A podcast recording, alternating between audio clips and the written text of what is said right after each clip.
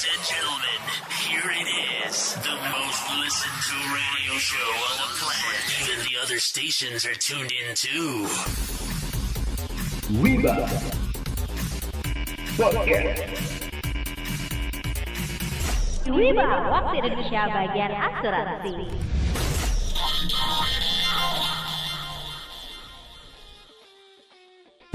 Nah, Mas Novi, sekarang kan lagi viral banget tuh yang ngobrolin uh, warisan dan hak waris bos dari grup perusahaan terbesar di Indonesia ini nih. Jadi hukum waris di Indonesia ada tiga sebetulnya. Dan tiga ini berdasarkan kesepakatan nih mas. Yang pertama, jadi warisan itu panas. Terus gimana status anak dan istri dalam hukum waris di Indonesia?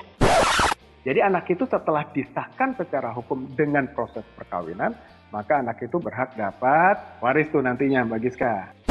Disebutkan bahwa di Indonesia itu yang berlaku adalah hukum monogami. Istri yang gimana nggak dapat warisan dong?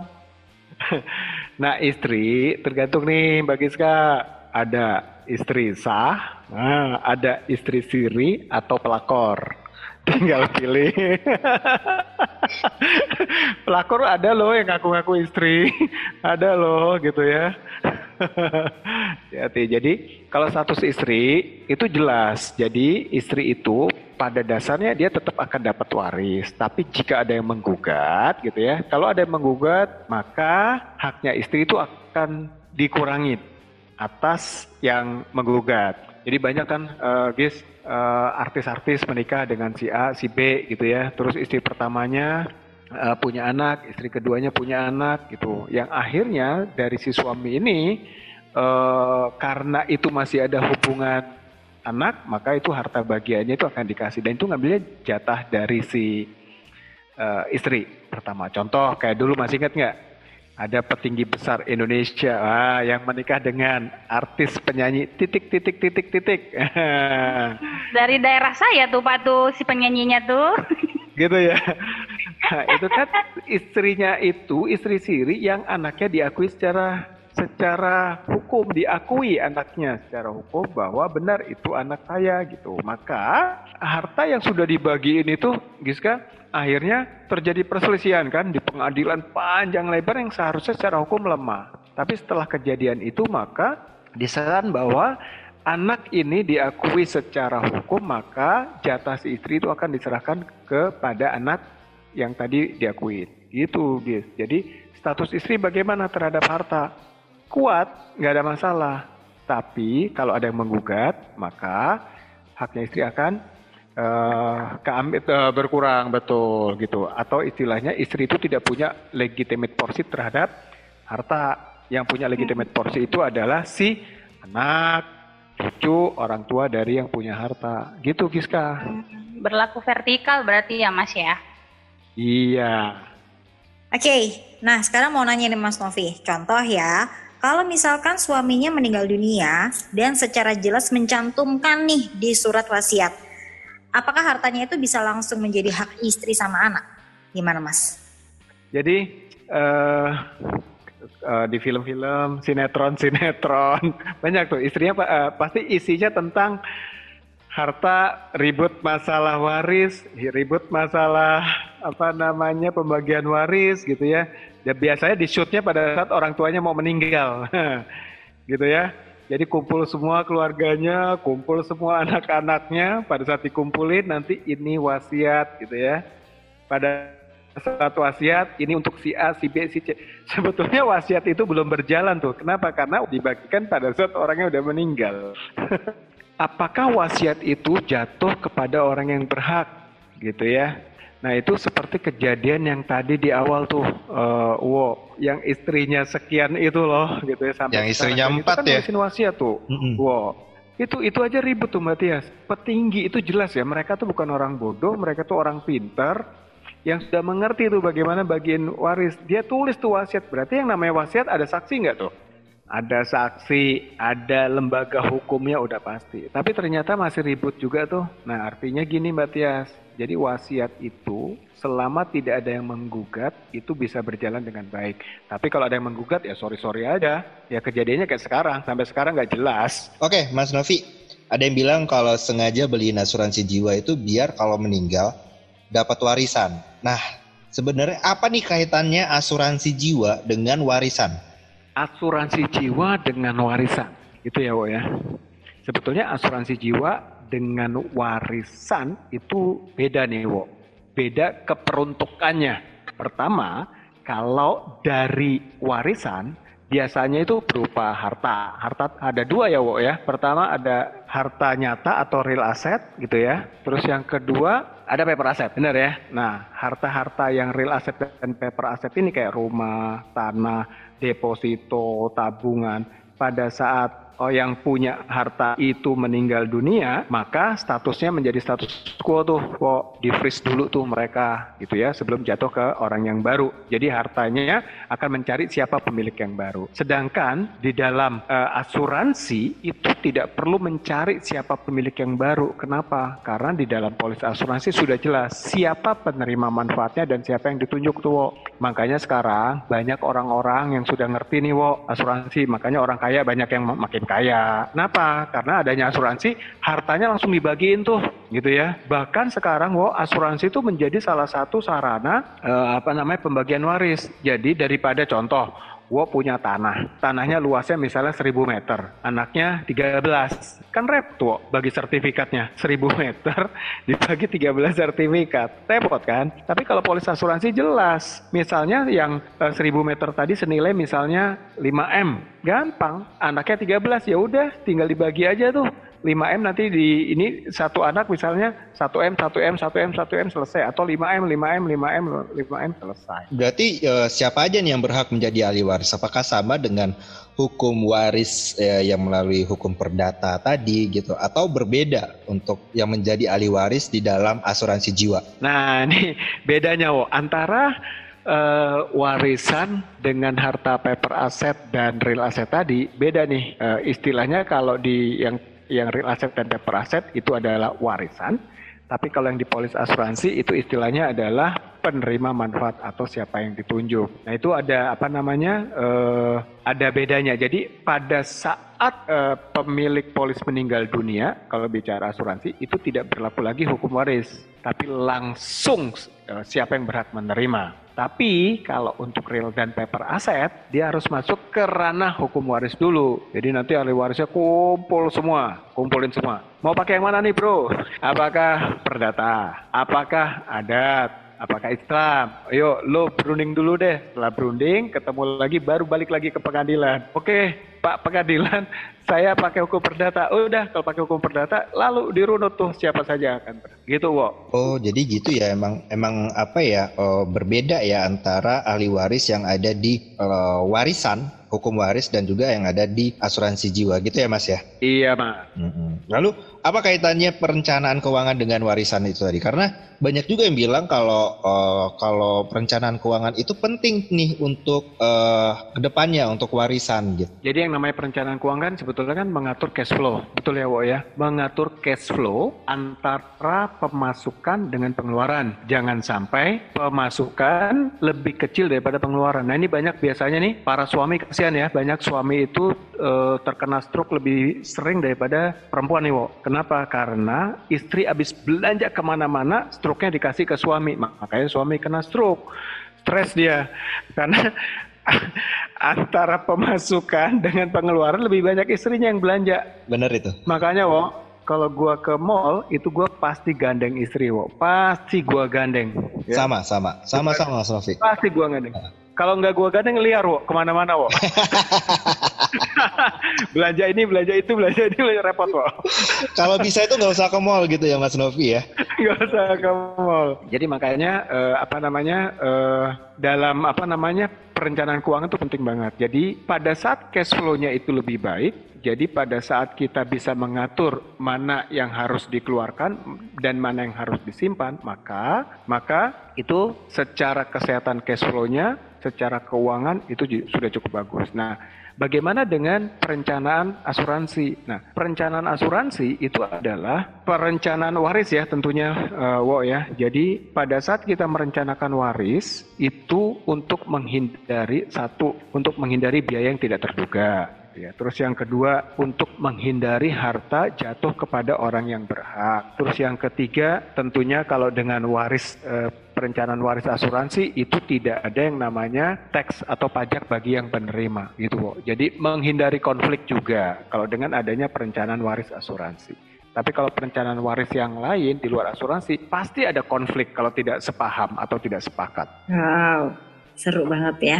Nah, Mas Novi saya mau nanya ini, perlu nggak sih asuransi jiwa itu untuk warisan? Nah, kalau misalkan perlu, siapa yang dilindungi nih jiwanya dengan asuransi jiwa tersebut? Jadi pertanyaan Mbak Tias bagus banget nih. Siapa sih yang harus dilindungi di asuransi? Nah, yang harus dilindungi itu adalah orang yang memiliki sumber penghasilan. Apa itu sumber penghasilan? Orang yang memiliki income yang secara rutin bisa diberikan kepada keluarga yang uh, hidup atau keluarga yang uh, kita sayangi. Contoh misalnya dia punya gaji dan lain sebagainya gitu ya. Jadi sumber mata airnya itu harus dijaga dengan baik. Jadi kalau sumber mata airnya tidak dijaga dengan baik Mbak Tias, maka jangan sampai suatu saat nanti akan menjadi sumber air mata di kemudian hari bagi keluarga yang ditinggalkan. Itu kan ngeri banget Mbak Tias, sumber air matanya. Eh, apa sumber, Jangan sampai ya.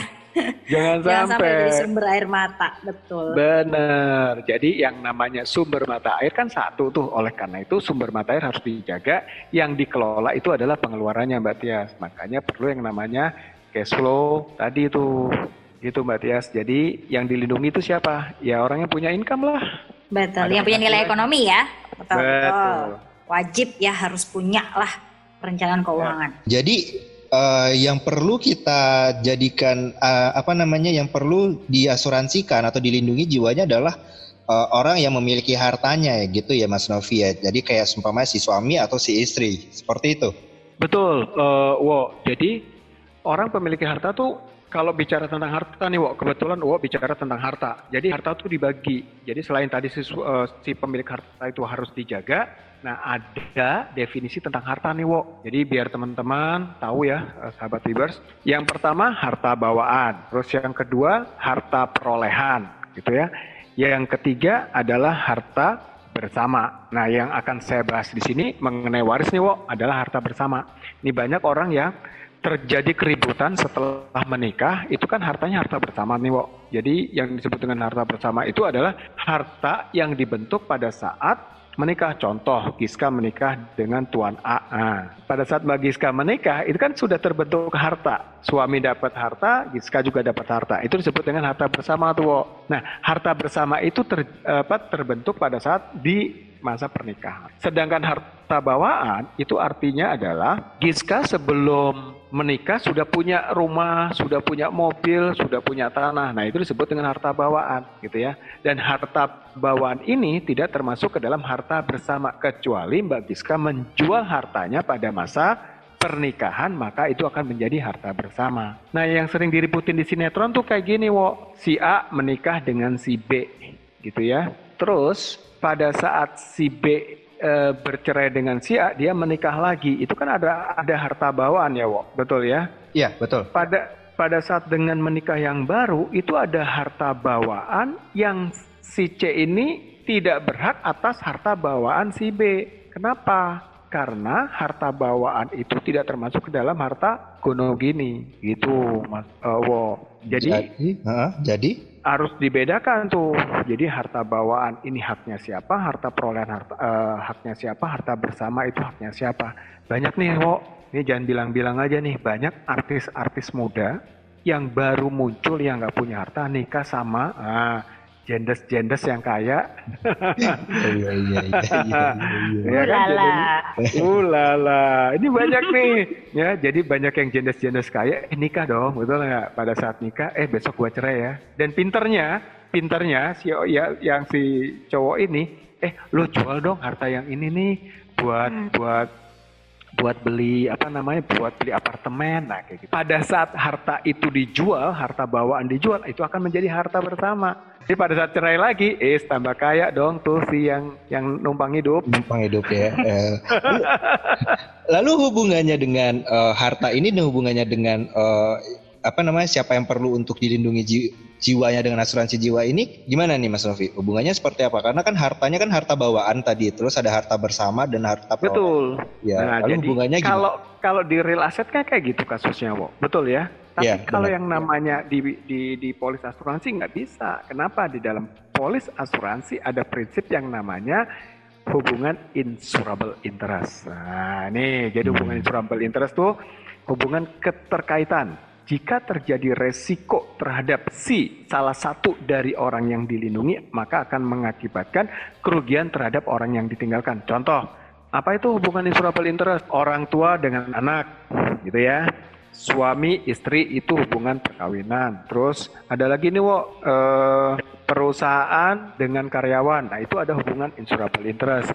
Yang nggak boleh itu adalah wo punya pacar diasuransin sama wo gitu. Itu nggak boleh wo karena belum ada ikatan secara sah. Terus yang kedua, Giska benci sama tetangga. Tetangganya suka naik-naik ke tembok gitu ya.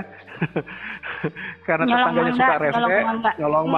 mangga kayak begitu. Res, eh, risih kan udah gua asuransiin aja lu asuransi kecelakaan gitu. Nanti ahli warisnya gue. Nah, itu nggak boleh. Jadi harus memiliki hubungan saudara, hubungan perkawinan atau hubungan saudara kayak gitu, Wo. Oh gitu. Oh. Jadi selama ini tuh kita sebenarnya banyak yang nggak tahu ya mengenai oh, apa namanya asuransi jiwa. Kenapa bisa dijadikan sebagai perencanaan oh, warisan? Lalu juga kita juga banyak yang nggak tahu juga mengenai oh, hukum waris di Indonesia itu sebenarnya ribet gitu ya. Kata Mas Novi tadi di awal itu panas katanya gitu. Ya, karena api ya, api ada ada, Iya. ada perdata, ada Islam. Nah, se- semua pihak eh, bersepakat untuk tidak sepakat gitu ya. Jadi ya kan. Nah, ya udah Banyak bisa nih. iya, banyak yang ribut jadinya. Nah, bisa ditarik kesimpulan sebenarnya kalau perencanaan keuangan mengenai asuransi jiwa untuk warisan itu sebenarnya untuk lebih ke arah biar tidak ada sengketa di antara para pihak. Lalu yang kedua juga sebagai eh, solusi pada saat harta warisan itu dijual nantinya atau dibalik namakan, maka uang pertanggungan itu bisa dijadikan alat pembayaran pajak dan sebagainya macamnya seperti itu. Berarti ini menarik banget nih dan sangat-sangat luar biasa amazing gitu. Blow my mind gitu. Bener gak sih ngomongnya blow my mind? Oke deh Mas Rofi, terima kasih banget nih eh, waktunya ya. Atas waktunya udah mau ngobrol-ngobrol di Wiba Podcast. Ya, Dan- thank you uh, Mas Andika. Ya, dan eh, nanti kita ajak lagi ya buat ngobrol-ngobrol mengenai asuransi ya Mas Novi ya, boleh ya? Yes, kapan-kapan Mas Andika. Nah, Wibers, siapa lagi nih yang akan kita hadirkan untuk Wiba episode minggu depan? Nantikan aja di Wiba Podcast ya pastinya. Makanya Wibers, selalu dengerin Wiba Podcast setiap hari Sabtu jam 17.30 waktu Indonesia Barat. Platform Spotify, Anchor, atau Apple Podcast. Jika menurut kamu podcast ini sangat bermanfaat, bantu kami ya untuk mendengarkan podcast ini sampai selesai. Dan jangan lupa untuk share dengan keluarga atau teman-teman kamu nih Wibers. Yuhu, and last but not least, jangan lupa untuk selalu follow, like, dan share Instagram kita di @wiba.podcast. Oke, Giska sign out. Yes, sign out. Kifli sign out. Andika Tovano sign out and you Dadah, bye-bye. Caca. Bye Bye-bye. Apa Nanti nih? digabung. Bye-bye. Ciao, ciao, atau bye bye.